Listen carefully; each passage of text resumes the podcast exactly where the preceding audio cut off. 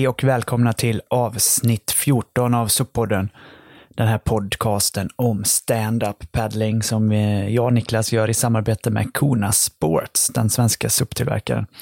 Den här veckan har vi med oss Ebba Lago Längqvist som är en eh, fysioterapeut som varit verksam inom vården under väldigt många år och som nu har startat eget. Eh, hon är med oss och berättar om eh, varför hon tycker att SUP är så fantastiskt för vår kropp och vår hälsa. Eh, det är ett otroligt intressant eh, samtal som blev väldigt eh, långt, så att det är flera delar som vi hade velat prata med Ebba om som vi tyvärr inte hann med den här gången. Därför hoppas och tror vi eh, att Ebba kommer komma tillbaka till oss i framtiden och det ser vi verkligen fram emot. Och med det sagt så släpper vi loss både Ebba och Magnus nu då i avsnitt 14.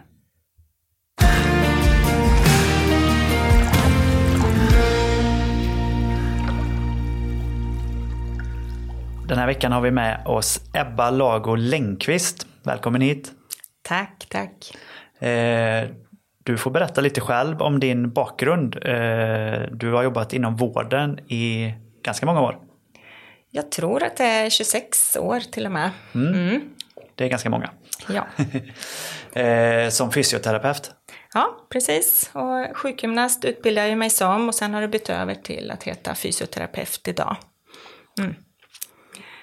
Sen har du lite fler utbildningar efter det. Ja, precis. Eh, jo, men jag är fysioterapeut sedan länge då.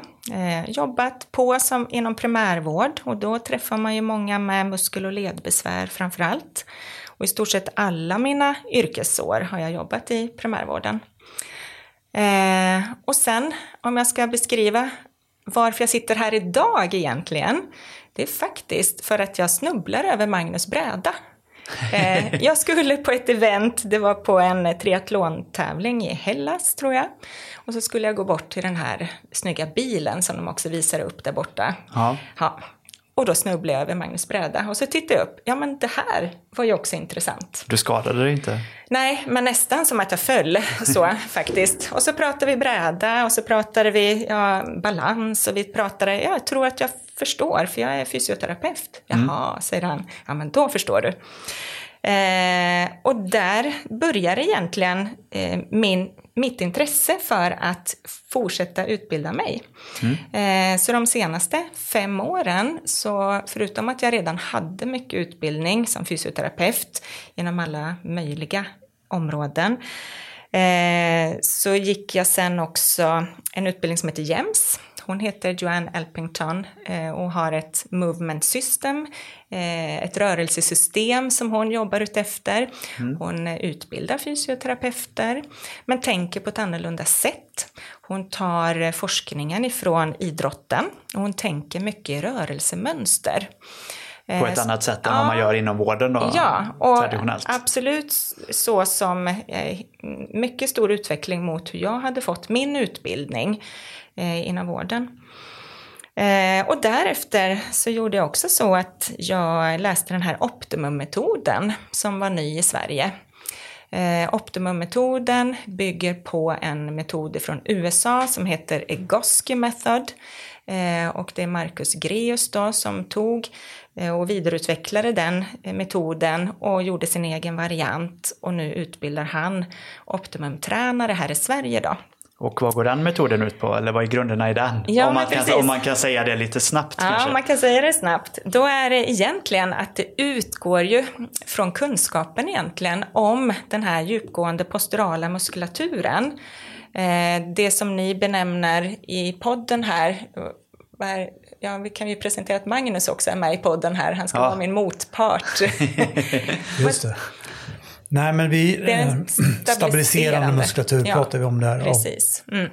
Eh, Så att det är kunskapen om den stabiliserande muskulaturen eh, som inte gör samma jobb som den yttre rörelsemuskulaturen då.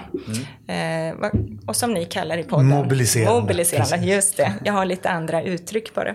Ja, just det. Eh, och att det finns, eh, vi är evolutionärt eh, gjorda för ett speciellt eh, hållningsmönster. Att kropparna är gjorda för, placerar vi då skelettet i rätt ordning mot gravitationen så kopplar den här eh, djupare muskulaturen på direkt. Så att det, den är väldigt energibesparande och så.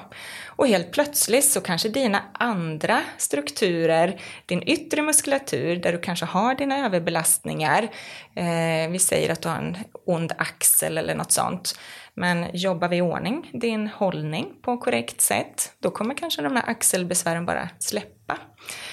Eh, så att lite grann sån kunskap, vad, vilka muskler ska vara de som fungerar. Det är optimummetoden. Just det, precis. Alltid när man pratar om eh, postural eh, mm. hållning och sånt så sträcker man lite på sig ja. när man sitter på en stol så här. Och du har ju kanske fått lära dig att du ska hålla in magen och sträcka på ryggen. Men det är inte riktigt så, eh, så som jag har blivit lärd. Nej. Och det stämde så bra med mina andra metoder sen innan. Eh, så att jag kan då också basal kroppskännedom som har funnits i vården väldigt länge och som också är forskad på väldigt mycket inom vården. Eh, men jag använder det till vanliga personer med ryggar, med ryggbesvär och nackbesvär och så. Ehm, ja, men förutom mina utbildningar där då, så är jag ju också barfotalöpare. Det. det har jag utvecklat de senaste åren. Ja. Eh, jag är också friidrottstränare, så att jag är friidrottstränare i Danderyds friidrott i mm. Stockholm. Mm. Mm. Och jag bor också i Stockholm. Och där har vi ju väldigt bra framgångar nu för tiden också. I löpning? I löpning, i sprint. Ja. Eh, och de har ju också fått göra mina övningar och fått min kunskap om kroppen en hel del. Just det. Och då har jag också ytterligare en grej, jag är också föreläsare, extern föreläsare åt RF SISU i Stockholm. Ja. Så att alla idrottsföreningar i Stockholm egentligen har chans att få ta del av min kunskap. Jag kommer ut och håller workshops. Mm. Och framförallt så är det en workshop som heter Hel och stark när jag växer i min idrott. Mm. Och riktar sig mot barn och ungdomar eller till ledare. Just det. Um, så, och så du har ditt egna företag nu för tiden? Ja, nu har jag precis eh, eh, hoppat av vården och gör då eh, rehabilitering i eget företag. Mm. Eh, främst med utgångspunkt ifrån Optimum, men där sen blandar jag in allt det andra som jag eh, också kan. Just det. Och de senaste åren har jag också börjat lyssna mer på de som jobbar med funktionsmedicin. Mm. Eh, de som vill gå till grunden med orsaken till besvär. Istället för att eh, behandla symptom. Just det, mm. och det var det jag såg att sjukvården gör mycket. Så då känner jag att ja, men, jag har bra kunskap nu. Funktionsmedicinen grundar sig också på forskning och evidens och så. Eh, så att jag får även eh, länka in sånt. Mm. Eh, men jag utbildar ju bara eller tar rehab-patienter eh, inom sånt som jag är utbildad inom och sen skickar jag gärna vidare till andra som kan det här med funktionsmedicin bättre. Just det. Mm. Ja, och som du sa så har vi ju Magnus med oss i podden också och det känner ju honom känner ju lyssnarna sedan tidigare. Och du har ju blivit biten av SUP på senare år, Ebba. Ja, Och precis. Eh, med hela den här bakgrunden som du har mm. eh, också kanske sett eh, effekterna av SUP för rehabträning och mm. som kompletterande träning till andra idrotter. Mm. Vilket eh, jag och Magnus har gjort avsnitt om tidigare ihop med Joakim bland annat. Mm. Och det är därför du är här. För att, Precis. För, ja. Inte för att slå oss på fingrarna men för Nej. att fördjupa den kunskapen och kanske ha ytterligare ett perspektiv på ja. de frågorna. Eller kanske bara förtydliga eller ta eh, klientfall eller också berätta om en egen resa. Mm, jag håller ju själv på att rehabba ett knä mm. eh, som jag hoppas få berätta om. Det får du gärna mm. göra. Men eh, ja, vi kan ju det finns inget vi vill tillägga nu? Nej, om... jag ska bara säga då att det var ju när jag snubblade över Magnus bräda som han också pratade om någon kompis han hade som kunde en speciell metod. Så ja. det var ju Magnus kompis som var då Marcus Greus. Just det. så att det var ju alltså anledningen till att jag först tog Optimum-metoden Sen ett eller två år senare, då sa jag väl till dig Magnus, nej nu har du sagt så många bra saker så nu måste jag köpa en bräda också. eh, och då, då var det helt rätt i tiden för mig också. Ja. Att eh, då var jag sugen på något nytt och inte bara springa runt en friidrottsarena och coacha andra utan ha bräda och göra jobbet själv. Mm. Härligt, du snubblade in i framtiden över Magnus ja, bräda kan man säga. Just det. ja, det är härligt. Men ska vi börja eh, i rehabdelen mm. av det hela då? Mm. Eh, och med fokus på SUP då kanske. Mm. Eh, vi pratade ju mycket tror jag i det senaste avsnittet om rehab, om knän och rygg mm. och eh, men vad, ja, vilka effekter ser du av suppen i rehabträningen? Finns det några skador som är lättare att rehabba med supp eller går det att använda till de flesta åkommor? Eller eh, vad är dina erfarenheter kring det? Mm. Eh, då tänker jag så här, och det här vill jag liksom att Magnus kommer in i samtalet också. Mm. Eh, då är det ju, vad ser vi främst om det kommer någon person som aldrig har testats upp? Det är en medelsvensson, det kanske är en löpare eller någon som ändå är lite sportig eller sådär. Eh, det vi ser då direkt vad, vad, ser du direkt, ska jag fråga Magnus? Ser du något i kroppen hos många personer som du vet, det här kan gagnas? Ja, men, nej, men det, det, gör man ju ganska tydligt. Och, och det som jag har nämnt tidigare, om de här skyddsreflexerna till exempel. Mm. Att helt plötsligt så kompenserar vi genom att spänna upp hela kroppen för att inte falla i vattnet. Hjärnan vill ju inte hamna i vattnet helt enkelt. Mm. Och det gör att vi får ett väldigt hämmat rörelsemönster. Mm. Ehm, men det här öppnar ju upp sig automatiskt. Och som jag har sett under många år är ju att SUP öppnar upp för ett, ett förbättrat rörelsemönster, ett mer omfattande rörelsemönster igen. Mm. På grund av att vi måste öppna upp det för att kunna stå kvar på brädan. Mm. Och du tänker mycket skyddsreflexer.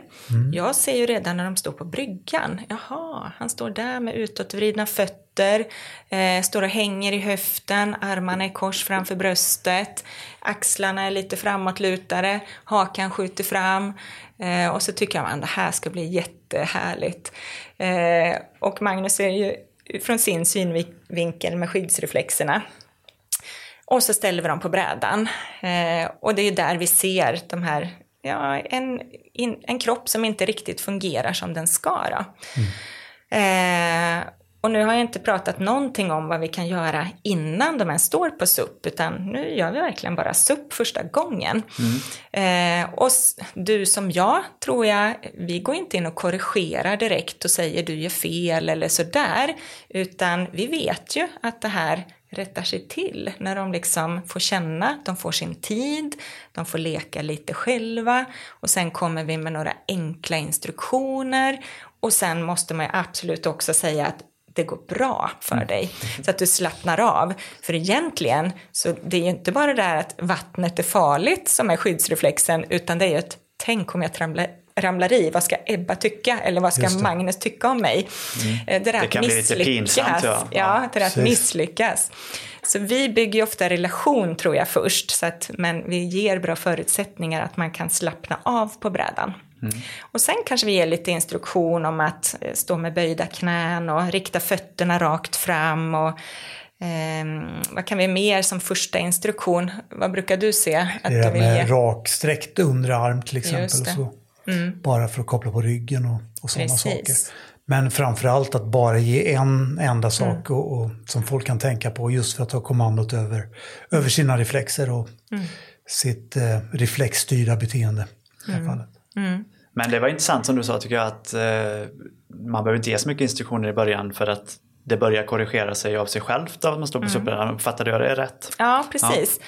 Och jag brukar säga att eh, man ska ställa fötterna rakt, för det jag vet som börjar hända då, nerifrån foten kopplar du nämligen på den här främre djupare hållningskedjan. Så den är viktigast från foten upp till höften. Så får man fötterna och benen att stå okej okay och ha tyngden lite framåt, för många står ju och har tyngden väldigt mycket bakåt idag, både i vardagen och även när de ställer sig på ett ostabilt underlag. Så några har ju faktiskt ramlat bakåt när man ställer sig på brädan och det vill jag helst inte ska hända. För egentligen, eh, om vi blir instabila eller tappar balansen, då ska vi ramla framåt. För då tar vi alltid ett steg framåt eller så tar vi emot oss med händerna. Men bakåt, där har vi inga reflexer att ta emot oss med. Och då kan man ju faktiskt åka på svanskotan eller slå i bakhuvudet eller något sånt. Det roligaste och värsta som finns, vi kallar det för att torpeda någon. Och det är att man kör in i brädan framför. Ja. Det innebär att då börjar det falla bakåt. Och då tar du ett kliv bakåt. Men då skjuter du fram brädan så tar du ett snabbare och snabbare kliv och sen ligger man i vattnet på ryggen. Det har du Så gjort på den- mig en gång fast en snäll variant tror jag. Men du har puttat lite på mig. Ja, ja nej men eh, det har jag ju faktiskt också hört från andra att eh, haft problem med att ja, jag trillar bara bakåt hela tiden. Och det är just så med att det är ju inte som att trilla bakåt på ett golv för brädan åker ju faktiskt iväg. Man trillar, Om man får balansen bakåt. Ja, Det kan, här är ju samma sak som i alpinskidåkning till exempel. Att du, måste, du tar ju kontrollen om du är framåtlutad och styr. Så fort du börjar bli avvaktande så sticker skidorna själv. Och det här är ju sam, precis samma sak. Vi måste vara aktiva för att liksom ha kontroll. just det. Eh, ja, då så börjar man på suppen helt Så, enkelt. så kan man börja. Ja, men jag ville bara, jag hade en fråga till där. Du sa att det var viktigt att ha fötterna rakt fram, tror jag att du sa. Betyder det att fötterna ska vara parallella rakt fram? Att de liksom inte ska vara vinklade utåt? Nej men precis, exakt. För vinklar du fötterna utåt, det är också en kompensation som kroppen har skaffat sig på grund av att man, kroppen upplever instabilitet. Så att det är ju det här att du vill inte ramla. Så kanske till och med när du ställer dig på suppen så kanske du absolut vill stå lite bredare och ännu mer utåt med fötterna än vad du gör i vanliga fall. För att det är så du är van att eh, hitta balansen. Mm. Men egentligen, enligt min kunskap då, det är ju att balansen sitter ju i de posturala musklerna som aktiveras helt automatiskt om vi ställer dem i lod mot gravitationen. Eller så som eh, de posturala musklerna är tänkt att användas. Och det är de här ledstabiliserande musklerna som sitter väldigt lednära. Och de sitter också eh, ofta och gör ett rotationsjobb. Så ungefär varannan led i kroppen sköter en rotation. Mm och det Men är, är det då fotled, knäled, Ja, höftled? Mm. Så fotleden, den kan ju den är ju ganska multidirektionell egentligen. Och sen så ute på fotbladet så heter det ju att du kan pronera eller supinera. Eh, och när du bara har, mm, vi säger att det som är viktigt för foten, det är att stortån ska stå rakt fram. Eh, och de som nu pratar mycket fötter och kan det här med barfotaskor och sånt, eh, där är ju till och med många arga, tycker jag, på skoindustrin som har gjort en spetsig sko. Så varför står jag med fötterna utåtvridna?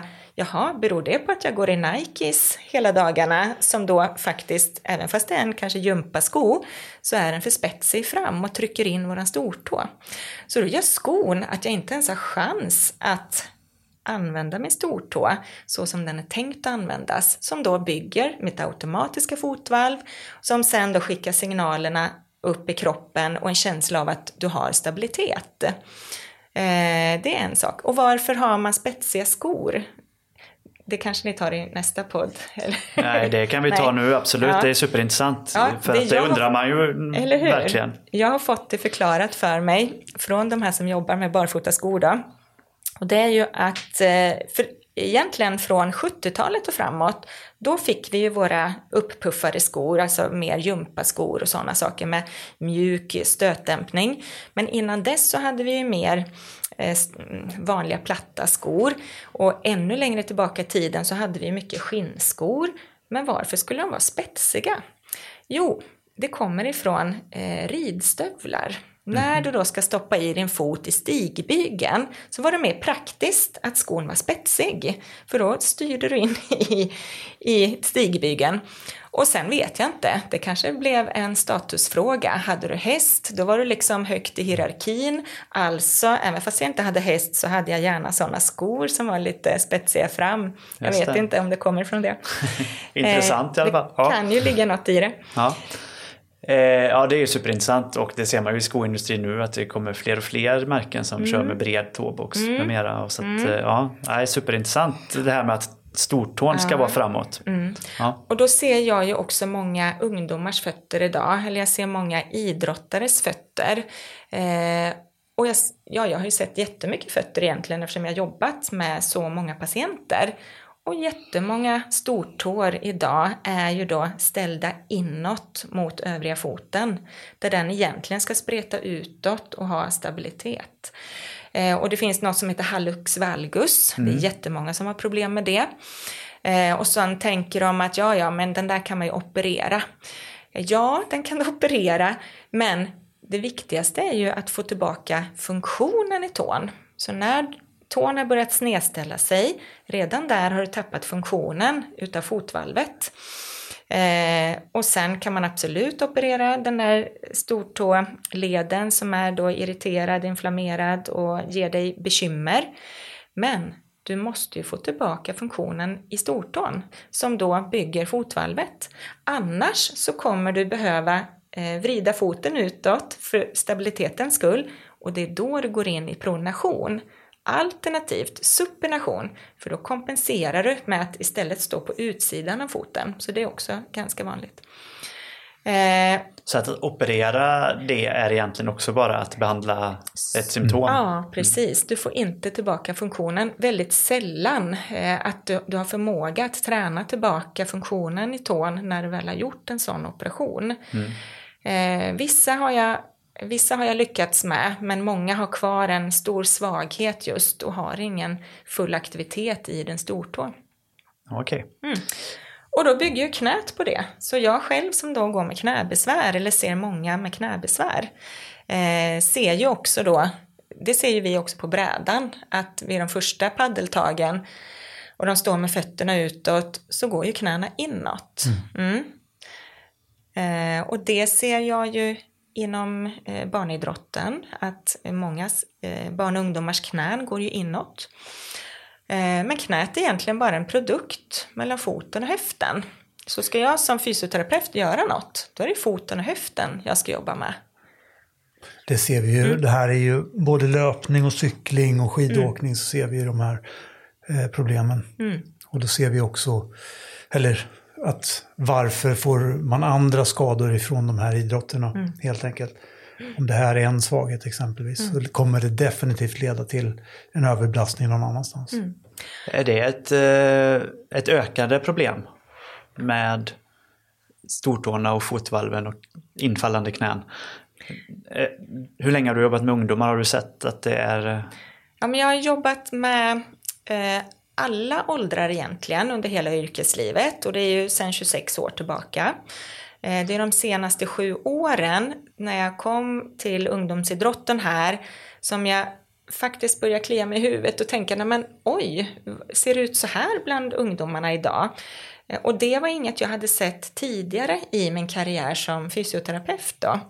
Ehm, och det jag tänker idag, eller jag har ju teori om varför det i så fall kommer så tidigt i åldrarna. Vi kan ju förstå att vi idag som kanske har datorarbeten och sånt och inte eh, tränar rygg och nacke och höfter och allt sånt kanske faller in i ett sånt mönster så småningom.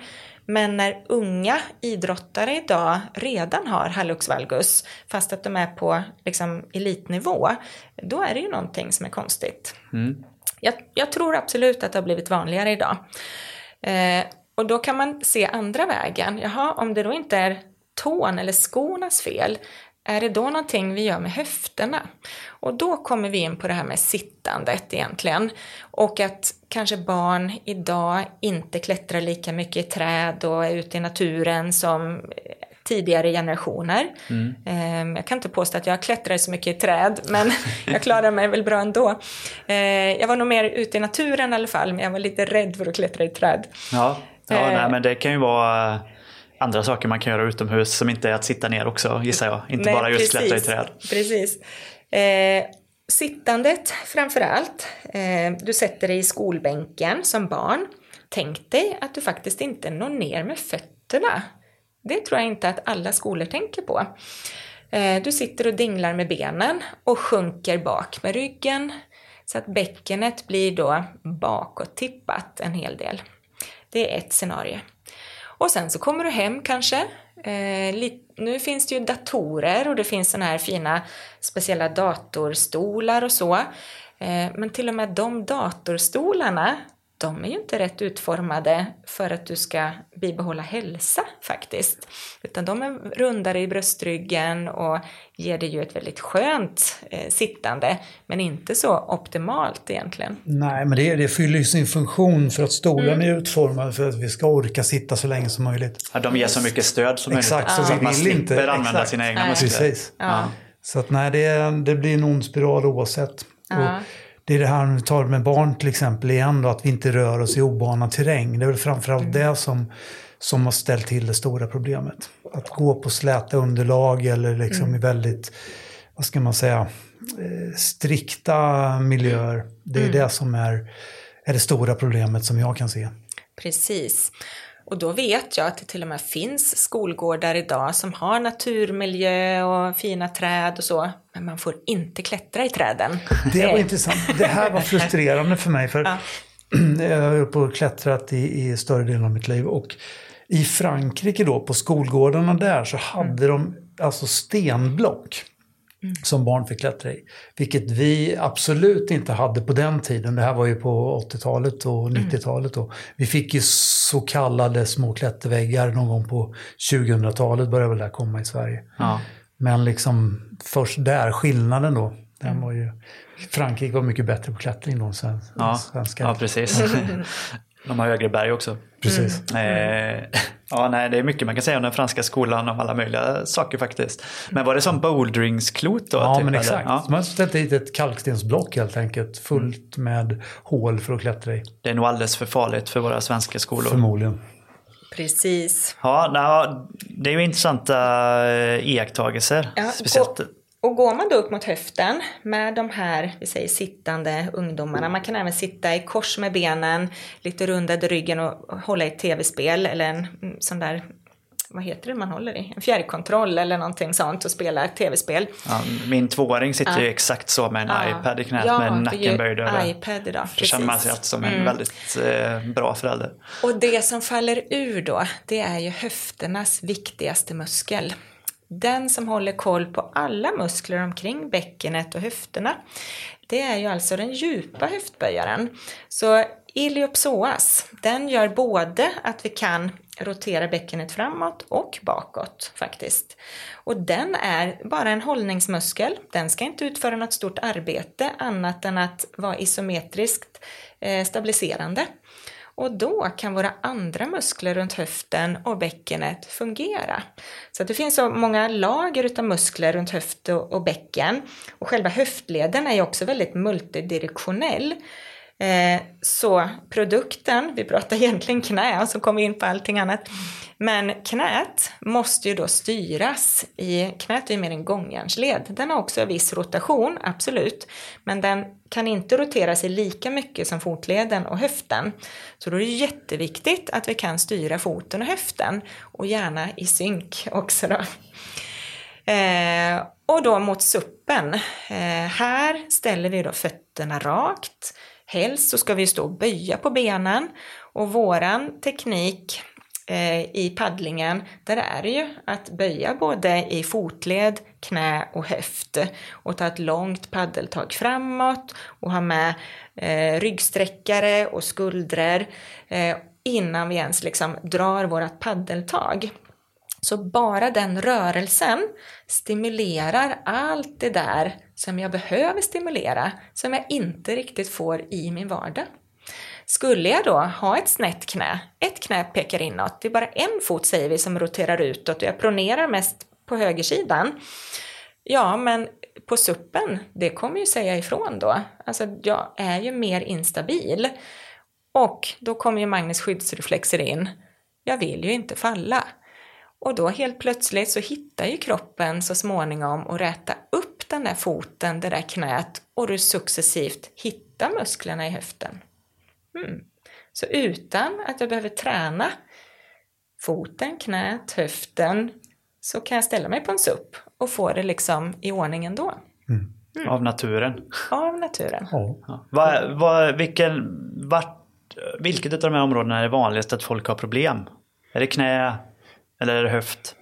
jag gissar att det kanske inte är fot, det beror kanske på vilken Mm. Det kanske man inte idrott man håller på med. vet, vet Nej. som sagt vad hönan, hönan och ägget är i det Nej. fallet. Nej, nej men vart man har smärtan då när man kommer och säger jag har Men det, ont det i... ena påverkar ju det andra också. Ja. Jag upplever när jag kommer ut mina workshops inom idrotten och jag pratar med ledare eller eh, barnen själva. Det är ju som att det brukar börja med fot och hälbesvär. Och sen lite senare eh, så kommer det till knäbesvär. Och sen kanske högre upp i elitidrotten, ja men då är det antingen en ljumske eller baksida lår och så vidare. Och de eh, vanlig rehab säger vi då, eller som vården fungerar, då är det ju ofta så att man bara stärker och rehabbar det där, ehm, det där som gör ont. Det Så området, ja. Ja, precis. Eller den muskeln. Exakt, Ja. så det där knät då, som redan skriker utav lite smärta, ja men det är till och med, ja men då låser man in det där knät i ännu mer muskelspänningar kanske. Det blir som en rustning.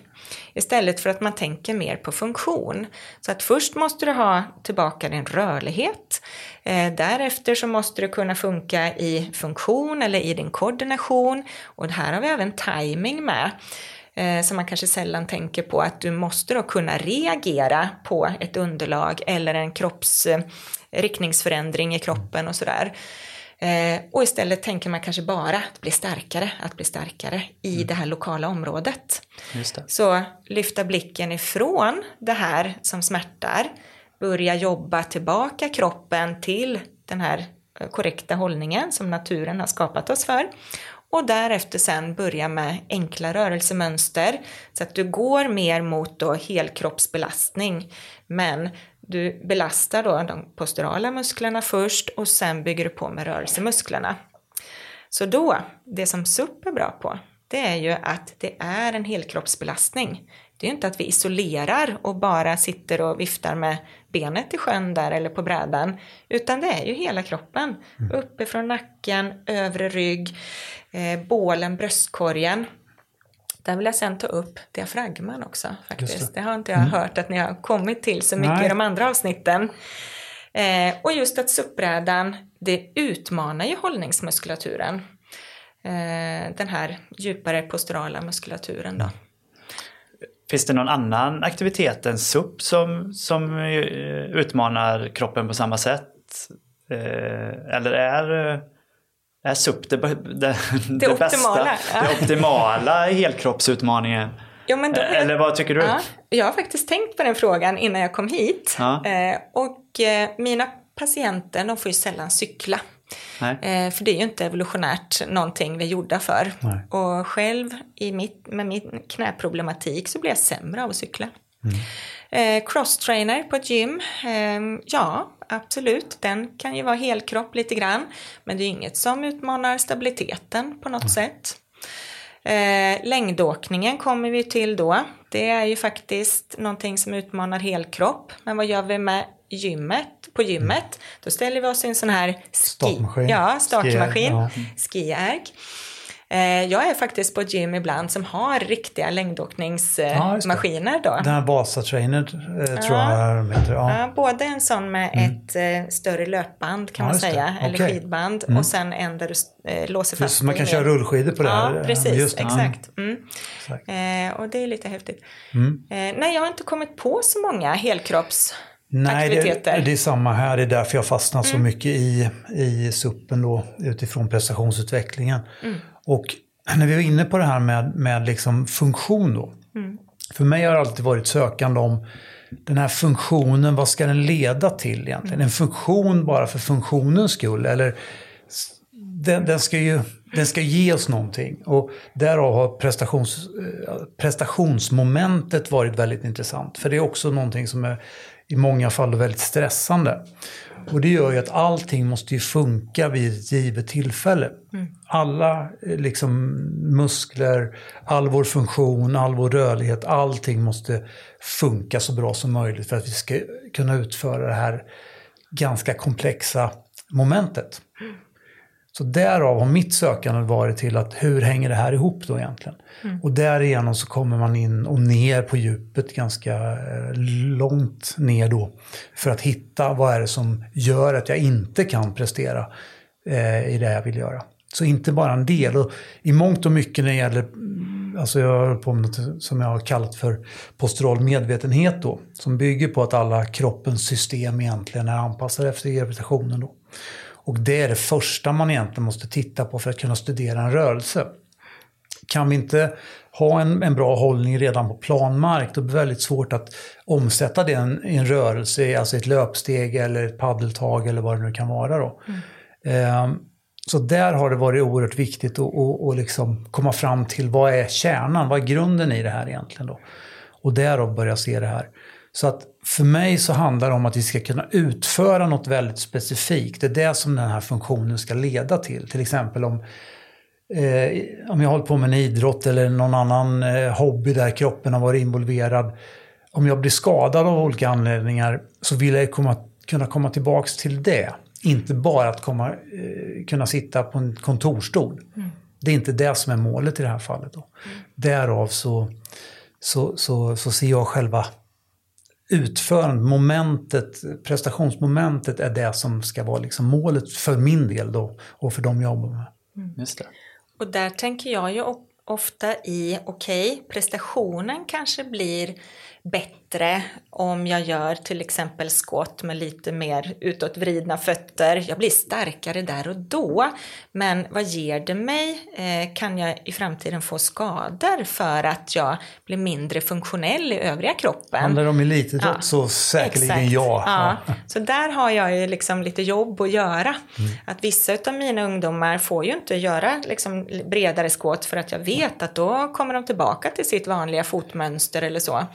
Och för att sticka in där då, så, mm. så för min del så handlar, alltså det, det nätverket som jag ingår i, där tittar vi på mm. exempelvis hög prestation över tid, då, alltså decennier. Mm. Så det innebär ju inte att det inte är en tävling där ska funka och sen så är det bra, utan mm. vi ska ju fortsätta utvecklas att faktiskt göra det bättre och bättre och bättre i det här mm. fallet. Då. Mm. Så det måste ju vara ett jätteproblem för elitidrottare som är så specialiserade på ett rörelsemönster det, det att över tid det. Eh, mm. blir bättre. När, mm.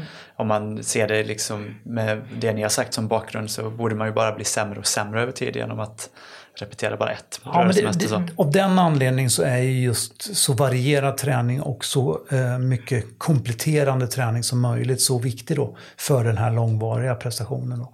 Och långvarig prestation om vi utgår ifrån eh, människans överlevnad handlar ju om att, att kunna prestera oavsett vilken miljö man befinner sig i. Så att den ska ju alltid kunna anpassas efter situationen. Just det. Och det innebär att visst, pratar vi friidrott och hoppgrenar exempelvis så är de ju väldigt, väldigt specifika. Eller lyfta en skivstång eller någonting sånt. Och, mm. eh, men det här är ju mer än det. Det ser jag mer som kanske en del i träningen. Mm. Jag plockar tillbaka oss lite med några frågor då. eh, vi pratade ju om de eh, som Magnus kallar stabiliserande mm. musklerna. Du kallade dem för Posturala muskler, Posturala hållningsmuskulatur. Just ja. det. Och att, den, eh, att man aktiverar den automatiskt då när man mm. står på en SUP. Eh, saker som vi har pratat om i podden som vi får en del frågor om det är ju att vi pratar mycket om nervsystemet mm. bland annat och, och balans. Och jag gissar att mm. balans har, hänger ju helt och hållet ihop med de här posturala musklerna. Men mm. eh, har vi något vi kan säga om hur nervsystemet påverkas? Mm. Och, och att vi blir smartare av SUP ja, kommer vi kanske till så småningom Precis, också. Ja. vi blir smartare av SUP. Ja. Nej, men först så eh, tänker jag att bara belysa för gemene man som lust, lyssnar på det här. Eh, balans, vad är det då? Vad består det utav? Jo, men det består ju utav det här proprioceptiva systemet, alltså receptorer i lednära och i senor och muskler som ger oss information till hjärnan. Men det består också utav information ifrån synen och båggångarna i innerörat som då har liksom ett flytande material in i båggångarna som påverkar sådana här cilier. Så tre system egentligen skickar information till hjärnan och utifrån det då så får vi vår balans. Och är något av de här systemen utslagna, ja men då får ju de andra systemen kompensera. Så ni då som är ute och paddlar på natten, det är ju inte jag riktigt än, eh, har ni då liksom nedsatta, ehm, eh, är ni nedsatta i det proprioceptiva systemet och inte ser heller, ja men då blir ni ju utmanade. Då är det bara ett system som funkar egentligen. Eller som jag har upptäckt att mina båggångar är ju mycket sämre. Jag har kunnat åka virvelvinden på Liseberg tre gånger på raken och påverkas ingenting. Idag kan jag bara snurra liksom fyra varv eh, ja, på dansgolvet och jag är helt utslagen för, eh, på grund av yrsel. Intressant. Eh, ja, Upplevde att, exakt det på Kolmården ja, i somras. Exakt. Att jag bara, vad är det här? Ja, precis. Varför kan jag inte detta längre? Nej. Ja. Så då kan vi ju tänka oss, om jag vet då att jag är inte så bra att stå på brädan och vända på huvudet och prata med min kompis, då är det kört. Då kanske jag ska göra lite sån övning innan för att öva upp då både synen och balansen och eh, båggångarna. Så det finns faktiskt sån träning också. För att öva båggångarna. Ja. Jag kommer ihåg när man var liten i skolan så fick ja. man balansen sitter i örat. Mm. Ja, ja, en del utav det i alla fall. Mm. Här är jättebra övning på brädan, alltså som jag själv får lägga in då och då för jag glömmer bort det. Liksom. Och det är att när man paddlar, speciellt lågintensiva pass, att man roterar huvudet, tittar mm. bakåt, sidan hela tiden. Mm. Så att inte nacken hamnar i en låst position, eller huvudet i det här fallet, mm. och då bågångarna. Mm. Så det är Så att ett bara att hålla, men kan man göra det på land också? Att, mm. När du, när du går eller springer, alltså springer man terräng till exempel, mm. perfekt att mm. titta liksom bakåt, mm. sidan, uppåt, neråt, överallt, alltså medan du springer. Alltså. Mm. Okay. Eh, patienter som kanske har haft sån här, men jag, ja, mm, vad heter det? Kristall, kristallsjuka, ja, mm. att det blir som små kristaller i de här båggångarna, då är det som att hela rummet snurrar. Eh, då, kan, då, finns det en viss behandling man gör för att få bort de där kristallerna ur båggångarna så att de inte stör. Men så kan liksom hela balanssystemet vara påverkat efter det. Och då får jag sätta in som en habitueringsträning för hur kan jag då träna ledsinnet, ögonen ihop med båggångarna så att eh, det blir rätt information igen för hjärnan. Och då går man tillväga så att man börjar på ett stadigt underlag. Då får man sitta ner stadigt på min brits och sen tittar man på en punkt rakt fram och så bara börjar du vrida på huvudet långsamt fast ögonen får inte lämna den där punkten. Så det är övning nummer ett. Ska man ta den övningen lite svårare, ja då får man ju ställa sig upp. För då har vi ju mer vi ska balansera och få information ifrån det proprioceptiva systemet i kroppen. Så då gör man samma, man står upp, tittar på den här punkten, vrider på huvudet från sida till sida. Nästa steg, det är ju att när du är ute och går, ja men då gör du likadant. Då tittar du rakt fram, du går framåt men vrider på huvudet. Och ytterligare ett steg har vi ju fått nu då, det är att stå på bräda och sen vrida på huvudet då. Det här är ju, mm. SUP och ridning hänger ju väldigt väl ihop mm. när man påverkar hästen där.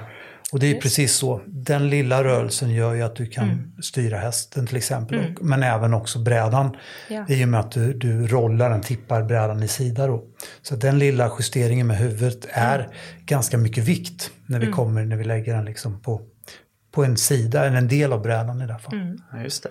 Det, är ju, det får mig att tänka på det här man läser när man kör bil, att man ska titta långt fram för att liksom, bilen ska åka dit man vill. Att man inte tittar i mötande fil och sånt för att man kanske kör dit då.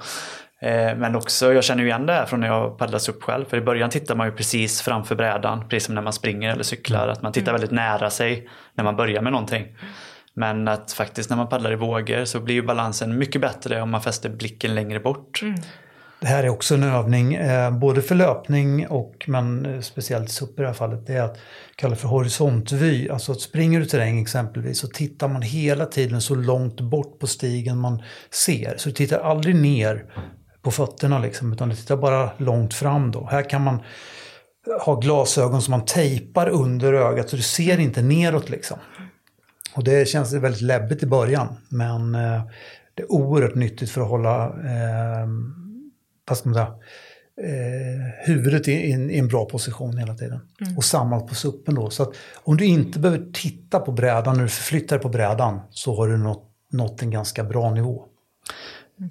Så bågångarna det är ju en del i balansen, då lärde vi oss precis. Och så fanns det ju två, två till delar i balansen. Men eh, ja, jag, jag och många med mig tror jag känner ju att man automatiskt får en bättre balans av att paddla SUP. Eh, vad är det som påverkar, eller vad är det som, från suppen som påverkar de andra delarna i balansen? Ja, men då kommer vi till det ni pratar om, nervsystemet mycket. Eh, Joakim har ju pratat om hans wifi här nu i de tidigare poddarna. Ja, du har hört det ja. Ja, jag har hört, jag har lyssnat på dem.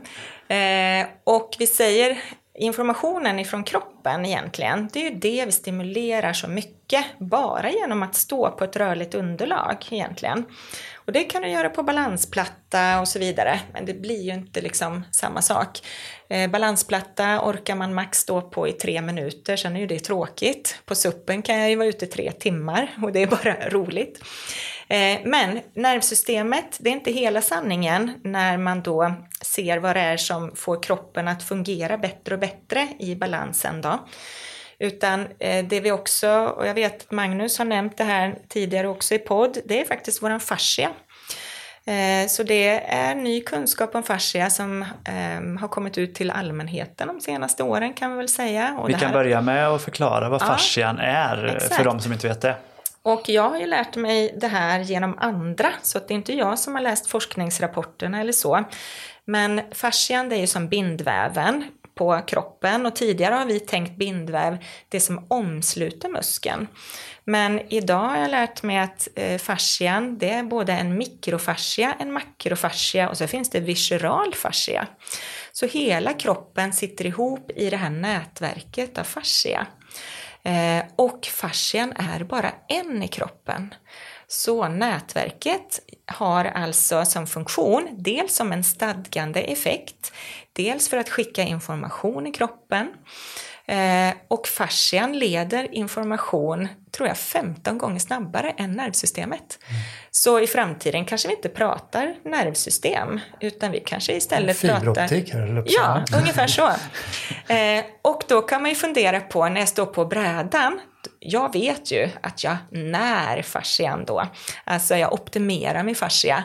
För fascian, den blir som, eh, ja men tänker att fascia kan se ut som glasnudlar ungefär, kokta glasnudlar. Och sen kan fascia se ut som okokta glasnudlar, alltså nästan så här krackelerad och så. Mm. Eh, jag vill ju att min fascia ska se ut som kokta glasnudlar, fast med lite spänst i liksom, verkligen al dente. Al dente. Exakt. Eh, och då vet jag att eh, kroppen har det som stabilitet också. Eh, så att de posturala musklerna absolut är ju en del, men kommer vi faktiskt i framtiden prata mer om fascian som det som stabiliserar oss. Och fascian byggdes av tryck och avlastning. Det är vad jag får när jag står på brädan. Mm. Med de här små knäböjningarna jag gör återupprepat och den här lilla justeringen jag gör eh, återupprepat ihop med att jag är i rörelse. Det är väl egentligen dessutom. det som, som får fascian att bli de här kokta nudlarna. Just det, mm. precis. Och eh, det som är, eh, ja, och vi kan även producera då nya fasciaceller och så också, eller liksom stimulera fascian. Och fascian är egentligen mellanrummet mellan eh, alla funktioner i kroppen, eller alla cellerna egentligen i kroppen. Och det behöver inte bara vara muskelceller då, utan alla celler. Mm. Så har du ett problem med axeln så vet foten om det. Mm. Eller, eh, och det är därför vi kanske går in i de här kompensationerna. Mm. Och är det det då som skyddsreflexerna eh, reagerar med, fascian, att informationen det, finns ju där. Ja, men det, det här skulle jag vilja gå så djupt. Ja, vi tar det. Precis. Det, det är avsnitt ja. 105 kanske. Förmodligen. Ja. ja, det är ju det, är ju, det här med fascia, det började man ju höra, det är ju inte jättemånga år sedan, om det ens det liksom. Nej. Som folk började prata om fascian och bindväven så det, är det ett nytt område inom forskningen också då? Är det mm. så nytt som man kanske inte riktigt har 100% eh, koll än? Nej, absolut så är det. Eller så har man valt att inte ta in det i eh, kunskapsbanken för det är för krångligt och jaha, då måste vi tänka på massa annat. Jaha. Måste lära om då helt Exakt. enkelt. Mm.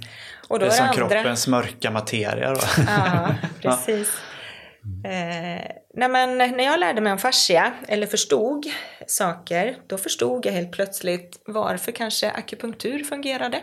Mm. Eh, för att meridianerna eh, i min akupunktur Ja, det är svårt. Um, när jag sätter akupunktur så sätter man ju på vissa punkter i kroppen. Mm. Och de här punkterna hör till olika meridianer som jag, när jag utbildade mig inom det här inom vården så kunde man inte förklara vad var de där meridianerna då? Jag ville ju veta det. Nej, jag kunde aldrig få något svar. Men det man har sett nu i forskning, det är att akupunkturpunkterna ligger i sådana här fascialinjer som för flödet väldigt snabbt igenom. Eh, så även i fascian så går det kanske mer som att även i fascian finns motorvägar mm. och mindre eh, grusvägar. Mm. Och ibland så ska man ha informationen snabbt, då är det ju motorvägen man tar. Mm. Vill man nå ut till alla delar, ja men då måste man ju även sen dela med sig till grusvägarna som är krokiga. Mm. Och så är det lite med eh, alla system i kroppen då kanske, ja. blodomlopp och, och nervsystemet sånt att det finns Grejen är att kraftigare. Fascian täcker ju även blodomloppet ja, och äh, även ja, allt ja. i kroppen. Mm. Men det, det, har att göra med just uh, vårt reflexmässiga beteende och helt enkelt det mm. som inte går genom medvetandet egentligen. Då. Mm. Alltså det som vi ska reagera på direkt utifrån en signal. Då. Det, det kan man ju tänka sig ta de här motorvägarna helt mm. enkelt för att reaktionen ska komma så snabbt som mm. möjligt. Ja, det. Och det är precis det som egentligen händer med oss när vi är i eh, situationer som känns obehagliga. Mm. Och det kan ju vara vatten till exempel, att provocera balansen på vatten. Så fascia är en väldigt viktig del i kroppen kan man säga, som får bra träning utav SUP. Ja, absolut. Hur påverkas fascian av att man eh, till exempel en 100 meters sprinter eller en fotbollsspelare mm. eller mm. Eh, jag gissar att det kan finnas både för och nackdelar eller ja. på olika ställen kanske. Eller kunskapen om det här. Någon ungdom kommer fram till mig och säger åh det bara knöt sig i baklåret. Och jag vet, nej men förmodligen är det ingen muskelbristning, utan förmodligen har fascian bara gått in och försvarat någonting. Mm. Det ligger kanske absolut en överbelastning i baksida lår och helt plötsligt så fick den här muskeln lite till att jobba med och mm. fascian är det som går in och kanske försvarar att, nej men ge dig nu, ta inte i riktigt så här hårt. Och då kan vi med ganska enkla metoder få det att släppa ganska snabbt.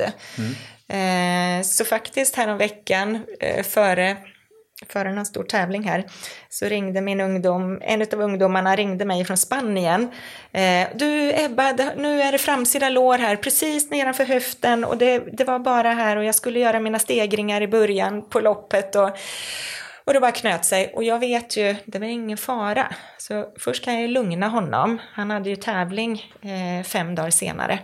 SM-tävling till och med. Ja. Eh, så då får han bara fortsätta. Han får träna vattenträning någon dag. Han får jobba med att, jag säger spindelmassage, men det är som lite funktionsmassage. Och det är som att jag bara vill föra in lite rörelse in i muskeln så att fascian löser upp sig.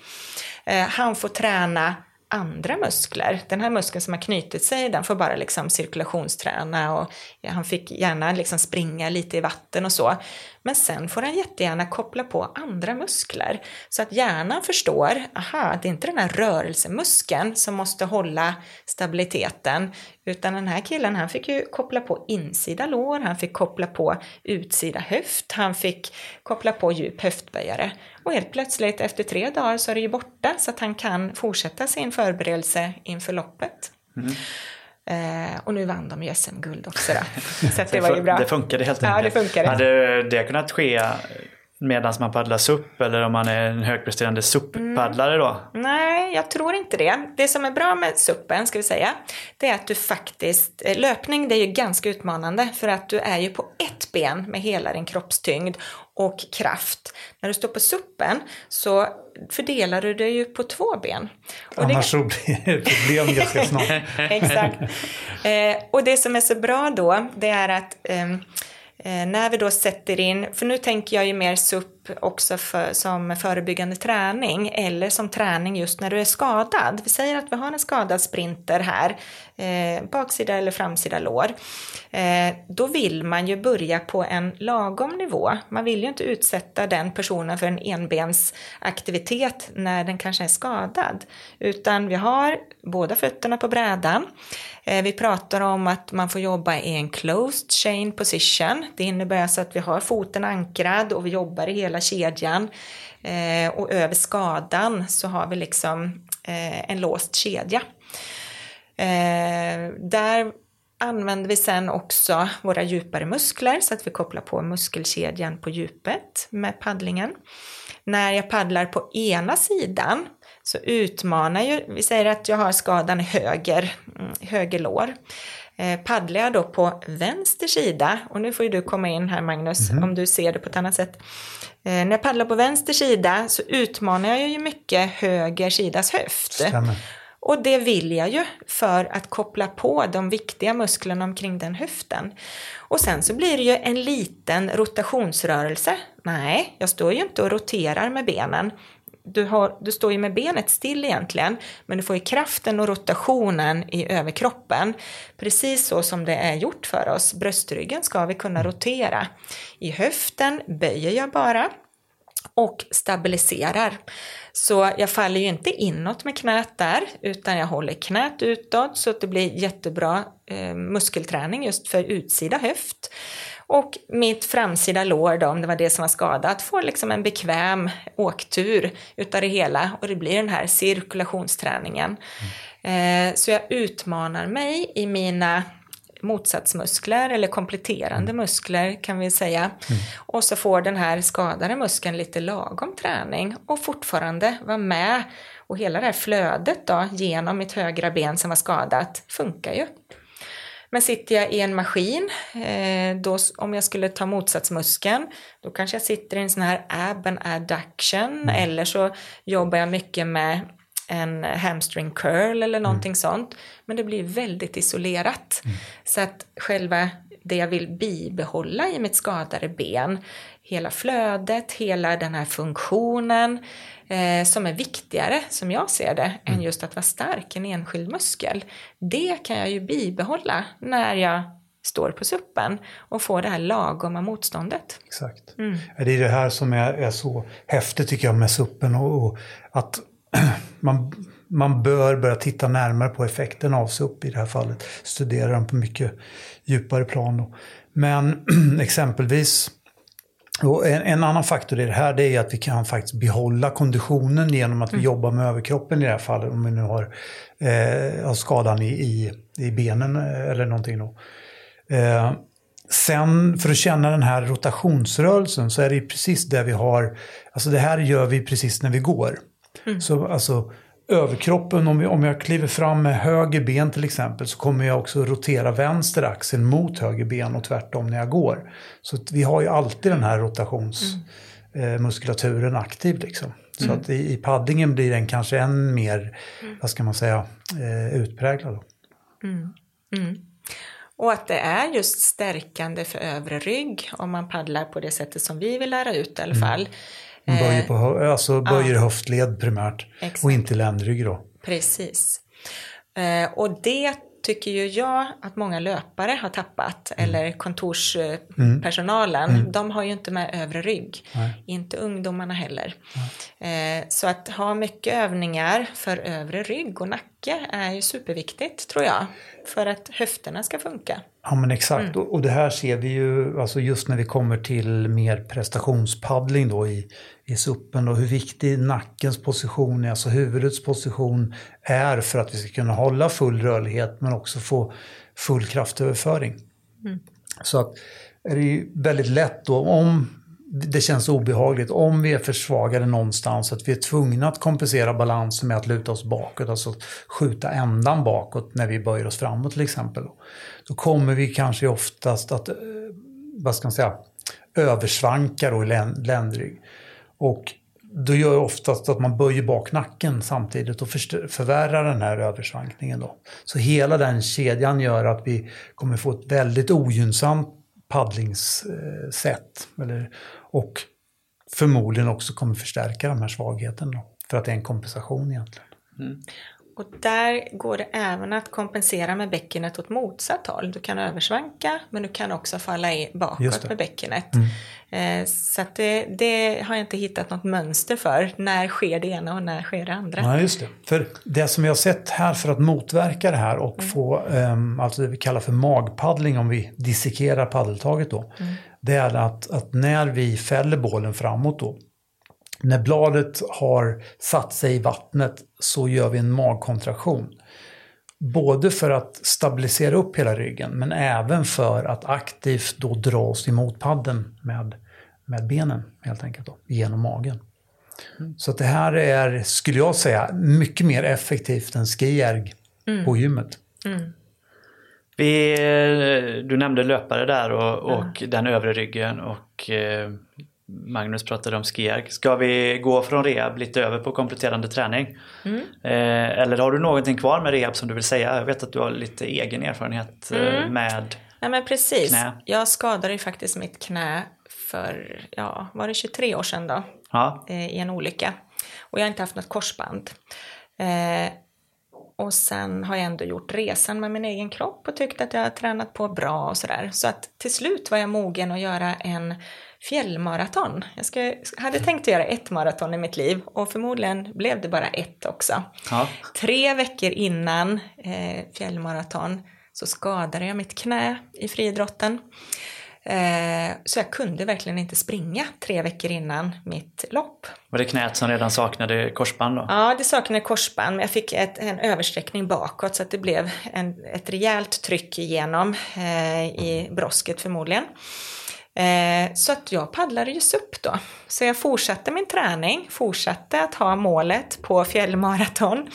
Eh, och paddlade paddlades upp. En vecka innan kunde jag fortfarande inte springa, men fortsatte med SUP-paddling för att bibehålla cardio och allting.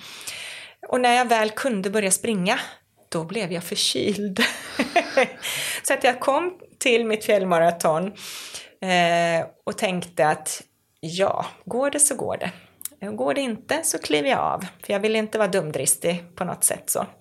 Men eh, jag kunde ju den rätta tekniken, hur man löptränar och får löpsteget i balans och jag körde i barfotaskor men hade då köpt in ett par lite mjukare barfotaskor bara för att jag hade gjort en ny skada. Eh, jag kommer igenom hela Kia fjällmaraton och har inte ont i knät efteråt. Men jag är ju helt eh, mosig i låren för jag har inte kunnat träna så mycket backar det sista man ska göra. ja, det är lite backigt där ja. Ja, precis. Och sen... Men knät var inget besvär under Nej, loppet? något knät var inget besvär. Eh, och det var helt fantastiskt. Och jag kände mig till och med så bra så att tio dagar senare så var jag på friidrotten igen. Och gör samma knäskada. I samma, I samma position. Så efter det, det här var två år sedan, efter det fick jag en rejäl broskskada faktiskt. Eh, men jag har ju ändå kunnat fortsätta med suppen och löpning. Eh, ja, Ja. så att jag vill ju lära ut till andra att eh, det går att trots att man har skador kunna komma över det. Men SUP-paddlingen har ju varit jätteviktig för mig för det på något sätt, det får ju igång flödet i mitt knät.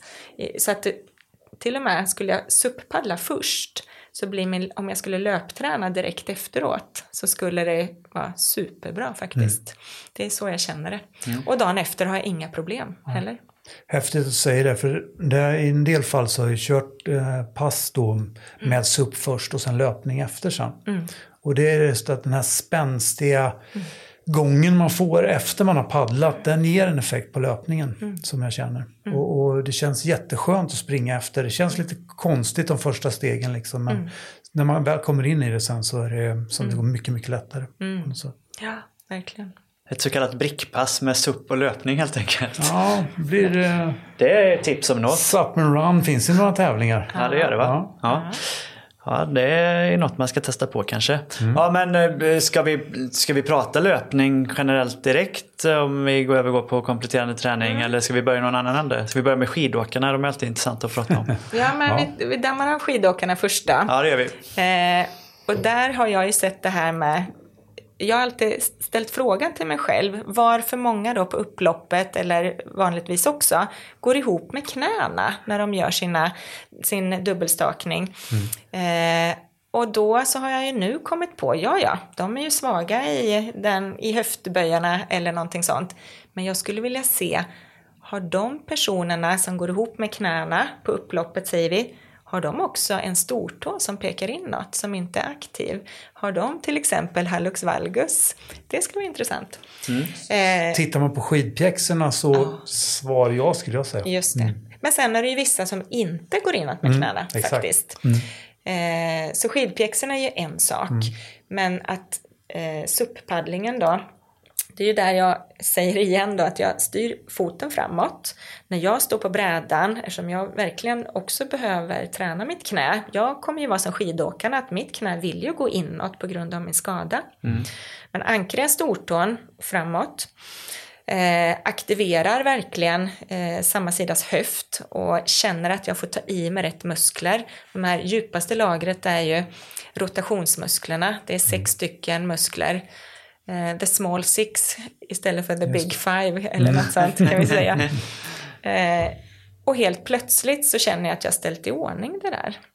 Och då tänker jag att ja, men samma effekt borde ju längdåkarna kunna få på mm. det problemet. För mm. det, det lyser ju svaghet mm. när de faktiskt går ihop. Det är inte så optimalt, tänker jag, att gå ihop med knäna. Eller Nej. är det det? Ja, det där är faktiskt, ja. alltså det har funderat ganska mycket på det där. Eh, för i och med eh, längdskidåkningsträningen innan och sen även med forskningen därifrån mm. kopplat till SUP då, så blev det ju oerhört mycket studier kring längdskidåkning mm. då. Och där såg man ju att väldigt, väldigt duktiga skidåkare, vissa av dem hade den tendensen då. Mm. Men jag skulle tro fortsatt att det här är en kompensation. Alltså du har en överkapacitet i vissa muskler mm. som gör att de andra inte hänger med och därför mm. får man den effekten då. Mm. Och jag skulle säga att det faktiskt har påverkan på kraftöverföringen. Mm. Alltså rörelseprecision, timing. Att den skulle vara än bättre om det inte skedde. Mm. Faktiskt. Eller så studerar man det vidare. Mm. Eh, vad Exakt. är effektivast? Precis. Är det att vi spänner upp den här muskeln och att knät ska gå inåt? Eller mm. vad är bäst? Mm.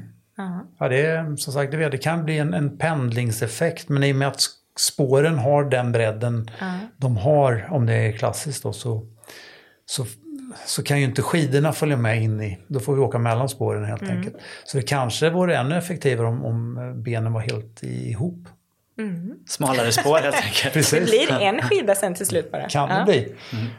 Ja, men vi pratade ju, sist vi pratade om skidåkarna då i det avsnittet med kompletterande träning så sa vi att för en del kanske det hade varit bättre att köra SUP på sommaren än rullskidor till exempel. Mm. På grund av att uh, jag skulle tro det. Ja. Jag är nästan övertygad om att det hade gett en bättre effekt. Ja. Och jag tror att det är för att du faktiskt sätter i padden på ena sidan mm. och får så mycket mer eh, kraft du behöver eh, lägga i motrotationen. Mm. Eh, och sen byter du som sagt var Exakt. sida du paddlar på. Mm. Så du får ju inte bara ha en favoritsida. Det kommer ju, i, i, regel om man inte paddlar bara enbart från punkt A till punkt B så kommer man alltid paddla lika mycket båda sidor. Mm.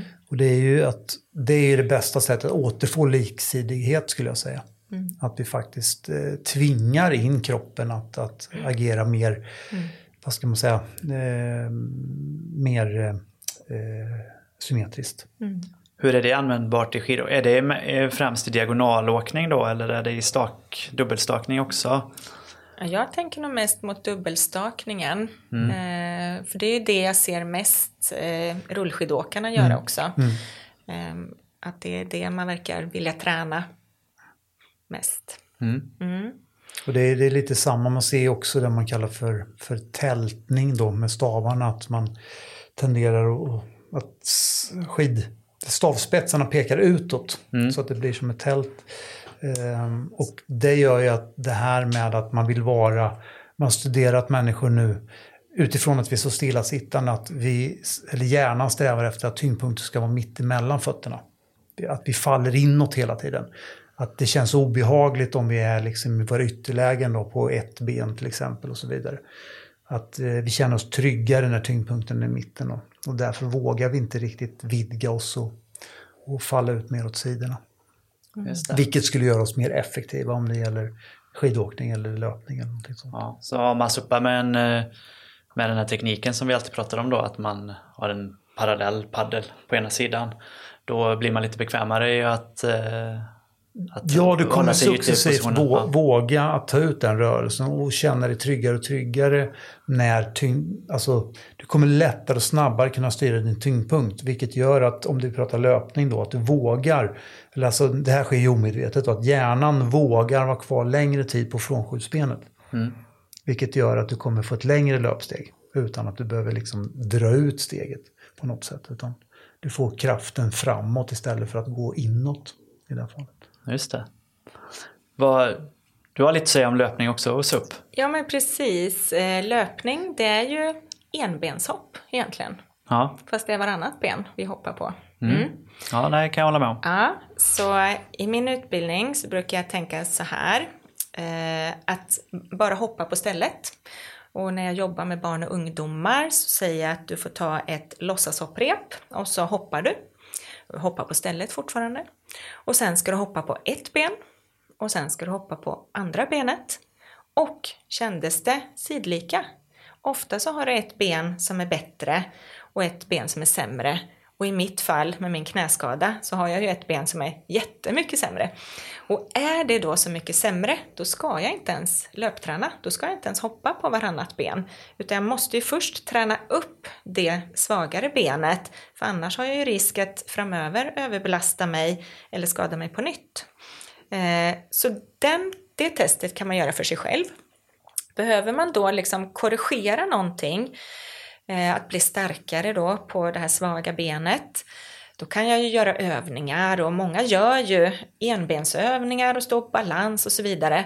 Men då har du ju stor chans eller risk att falla in i ditt kompenserande mönster. Så att du bara går mer in i det om du fortsatt är på ett ben. Alltså, står jag på suppen så får jag den där, får jag ju eh, Eh, den bilaterala stansen, att jag står med båda fötterna. Så jag får ju en motkraft på ett annat sätt. Eh, och det tycker jag ju är bra för att hitta de rätta musklerna, hitta den rätta innerveringen eller om det nu är fascia eller så, motoriken.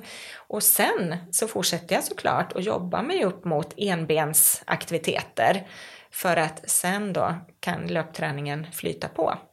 Men många försöker då att korrigera sitt löpsteg det, och det går absolut att göra, korrigera sitt löpsteg Eh, men inte genom att bara löpträna mer och mer. För att den här foten som kanske vrider ut sig och knät som vrider in sig har svårt att korrigera sig när det är fritt i luften. Alltså när vi står med båda fötterna ner, har den här closed chain position. Det är ju då jag har chans att nöta in, att stärka de delarna som förhindrar att kanske knät faller in. Och sen igen får jag fortsätta med enbensaktiviteter eller så. Mm. Använder du det mycket med dina löpare? Ja, eh, eh, Eller får de suppa? Kanske de inte de får jättegärna suppa, men svaret jag får hela tiden är att de har ju inte tid. Nej, för de ligger på en sån hög nivå nu och de har sina träningspass och de har olika tränare som kräver lite olika saker. Eh, någonstans finns det ju en huvudtränare som kanske liksom sätter ihop ditt program, men de har ju oftast inte SUP som sitt redskap. Men så många skulle verkligen behöva någonting annat att variera sig med för att kunna hålla eh, fler säsonger. Eh, och nu pratar vi om ungdomar som jag träffar, de som levererar här idag, de är ju 16-17 år. Men de ska ju egentligen först leverera kanske när de är 22, 23, 25. Eh, där får ju de inte vara överbelastade och skadade. Om man tänker att ja, men de älskar det de gör. De vill ju inte att deras karriär ska ta slut om ett eller två år. För det skulle ju vara som ett misslyckande. Ehm, och ja, Men här ser man ju oftast inom, inom presta- eller elitidrott i det här fallet så, så att man strävar efter någon typ av linjär progression. Och det innebär att liksom man ska hela tiden se en effekt av sin träning då. Men det är, det är inte nödvändigtvis så, utan det kan ju vara så att de första åren, bara där bygger man på. Det händer inte så mycket. Sen år 5, 6 eller 7, då kanske det kommer en stor ökning. Och sen så är det en platå ytterligare några år och sen kommer nästa stora ökning. Så att det, det är inte så att det alltid kommer att liksom öka lite då och då.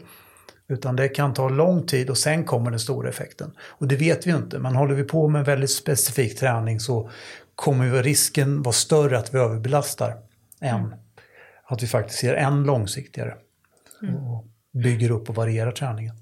Men kan man säga då att oavsett eh, om det är löpning eller eh, om det är skidåkning eller vilken idrott man än är specialiserad på så blir ju SUP som ett slags korrigerande och avlastande komplement Exakt. helt enkelt. Eller? Ja. Att man korrigerar tillbaka mot något slags ursprunglig Ja. utgångspunkt. Mm, faktiskt. Jag, jag skulle säga att det handlar om, om både funktion, rörlighet och stabilisering. Men det viktigaste i det här fallet det är den funktionella styrkan. Och det har vi pratat om tidigare att, att i SUP då där vi inte har någonting där styrkan ska, eller kraften ska svara emot. Utan det enda som kraften ska svara emot är vår egen balans. Det innebär att den styrkan blir oerhört funktionell. Och den kommer vi ha nytta i all annan aktivitet som är då closed chain, closed chain motion aktiviteter, alltså som utgår ifrån från ett fötterna och ett underlag. Liksom. Superintressant. Vi har pratat ganska länge nu. Ja. Eh, ja, jag tror att eh, skulle du vilja, du vill ge lyssnarna en övning Abba kanske? Just det. Vilken av alla mina övningar? Den som passar bäst för ljudformatet. Den som är enklast att förklara helt enkelt utan att de ser dig. Får vi nog tänka på. Ja, Det är ju det. inte lätt att visa en övning i en ljudprodukt. Kan man ju säga. Eh, jag, jag instruerar ju mycket i bilder faktiskt. För det når många.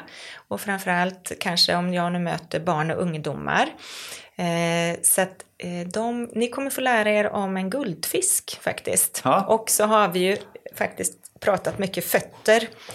Eh, Så du ska sitta på en stol och gör så att du sitter lite längre ut på stolen. Ja, nu skrapar jag kanske här Det gör inget. i mikrofonerna. Så sitt lite längre ut på stolen. Och sen är det som, om jag ska beskriva för dig hur du ska hålla bäckenet, så brukar många säga sitt på dina sittbensknölar. Men då tycker jag ofta att många belastar sig långt bak. Eh, du ska sitta på förlängningen utav lårbenet säger vi. Ja. Och sen så sätter vi en eh, heliumballong uppe på huvudet. Och den ska sitta i huvudknoppen, inte långt framåt eh, pannan till, utan så långt bak på huvudet som möjligt. Och heliumballongen lyfter huvudet upp och liksom avlastar huvudet och placerar faktiskt nacken i korrekt position. Bra. Fötterna har du ungefär med en knytnävsbredd emellan. Eh, Och fötterna ska vara under dina knän eller så får du dra dem lite in mot stolen om du vill. Eh, Det vi kommer göra det är att vi ska göra halva squats. Squats det är så när man sitter i squatposition som eh, urinvånarna gör. Men vi sitter ju på en stol, så det här kan man ju träna på kontoret. Och det kommer framförallt träna dina fötter och att få foten i rätt position så att ditt fotvalv kanske funkar. Eh, foten, den har ju en liten, eh, det är ju ditt fotvalv du får tänka på. Det är ju det vi ska återskapa kanske för en del, eh, eller aktivera bara för andra. I fotvalvet bor det en guldfisk, för fotvalvet är en grotta. Ja, och det här får ju barnen och ungdomarna lära sig redan tidigt i idrotten, utav mig i alla fall. Eh, den Gäller lär- det att inte vara kittlig. Nej, precis. eh, när du reser dig upp så finns ju risken att du går inåt med knäna och sjunker ner i fotvalvet. Då squeezar du ju guldfisken. Det får du inte göra. Men du får heller inte stå på utsidan av fötterna för då kommer ju hajarna. Utan du måste ha en perfekt grotta. Och då behöver inte jag säga mer än det. Utan därefter så ska du sätta händerna bakom nacken eller bakom öronen. Dra ihop dina skulderblad. Och nu sitter vi ju med fötterna och guldfisken och vi sitter på, längst ut på stolen, bäckenet lätt framåt-tippat, du drar ihop skuldrorna. Och härifrån ska du nu resa dig upp och guldfisken ska överleva. Så du reser dig och sätter dig på den, i den här positionen. Jag ska testa. Jag måste Ja, bara flytta varsågod. micken lite. Ja, vi drar fram mickarna lite. Så vi reser oss upp. Och sätter oss ner. Försök känna, kan du hitta ditt fotvalv? Kan du hitta connection i stortån? Ner mot golvet. Åker knäna inåt och utåt eller kan de vara korrekt placerade? Där var dina skyddsreflexer Magnus. Magnus håller på att fara bakåt på stolen. Jag tyckte aldrig stolen försvann. Det är vanligt. Och vad reagerar kroppen med då? Att resa på sig igen. Mm. Så, en, en vanlig stand-up gör du här nu. Där du jobbar med foten och höften och produkten blir ju knät egentligen. Att du faktiskt belastar knät eh, Eh, både på vägen upp och på vägen ner men du belastar knät i en väldigt korrekt position. Och just sådana här uppresningar till exempel gör man ju för patienter och sånt i artrosskolor och de som har höftartros och knäartros, de får den här övningen även i sjukvården. Och vi kan göra den för att bli bättre löpare eller för att bara behandla oss med eh, belastning. Så tryck och avlastning i en led ger också bra rehab eller att du kan bevara ditt ledbrosk. Härligt. För vi har inte ens kommit in på olika sjukdomar och sådana saker. Nej, jag känner väl att eh, vi måste göra ett avsnitt till. Eller hur? Där vi kan fördjupa oss i lite andra ämnen och kanske eh, i framtiden måste vi ju definitivt göra om fascian som är superintressant. Mm. Men det finns ju många andra grejer man kan prata om innan mm. Jag vet inte om forskningen måste komma ikapp på fascian. vi måste lyssna in oss mer på det. Ja. Eh, men vi har pratat i en timme och 20 minuter. Åh herregud. Och det blev nog ganska nördiga samtal det här, eller? Att, eh... Det var nog både ganska så lättillgängligt och uh -huh. lite mer svårtillgängligt på vissa områden. Uh -huh. Men, eh, lite djupare helt enkelt. Så kan det vara helt mm. enkelt. Uh -huh. Så att jag tror att eh, man absolut har behållning av det här oavsett vad, vem man är. Faktiskt. Vi hoppas det. Superintressant. Eh, om man vill eh, veta mer om dig eller din verksamhet eller prata med dig, eh, hur hittar man dig då? Ja, idag så finns det en hemsida som heter ebbalago.se. Mm. Där kan man både läsa om vilka metoder jag använder mig av, hur man kommer i kontakt med mig i rehab. Man kan också läsa lite kort om mig som person. Mm. Mm. Superintressant. Inga sociala medier? Jo då, eh, absolut. Och via hemsidan så länkas man till sociala medier idag. Så Instagram, där bjuder jag på mycket övningar. Ja. Och det är ett balago annars. Ja. Ja. Eh, Facebook, där är jag både privatperson och eh, bjuder på det lite mer filosofiska ibland. Men det är en öppen profil så att man får gå in och kika där också. Superkul. Ja. Eh, då säger vi tack för idag tycker jag. Och så jag hoppas verkligen att du kommer tillbaka till podden i framtiden så vi kan fördjupa oss ännu mer i vissa av de här områdena i alla fall. Supertack, det gör jag gärna. Tack. Tackar.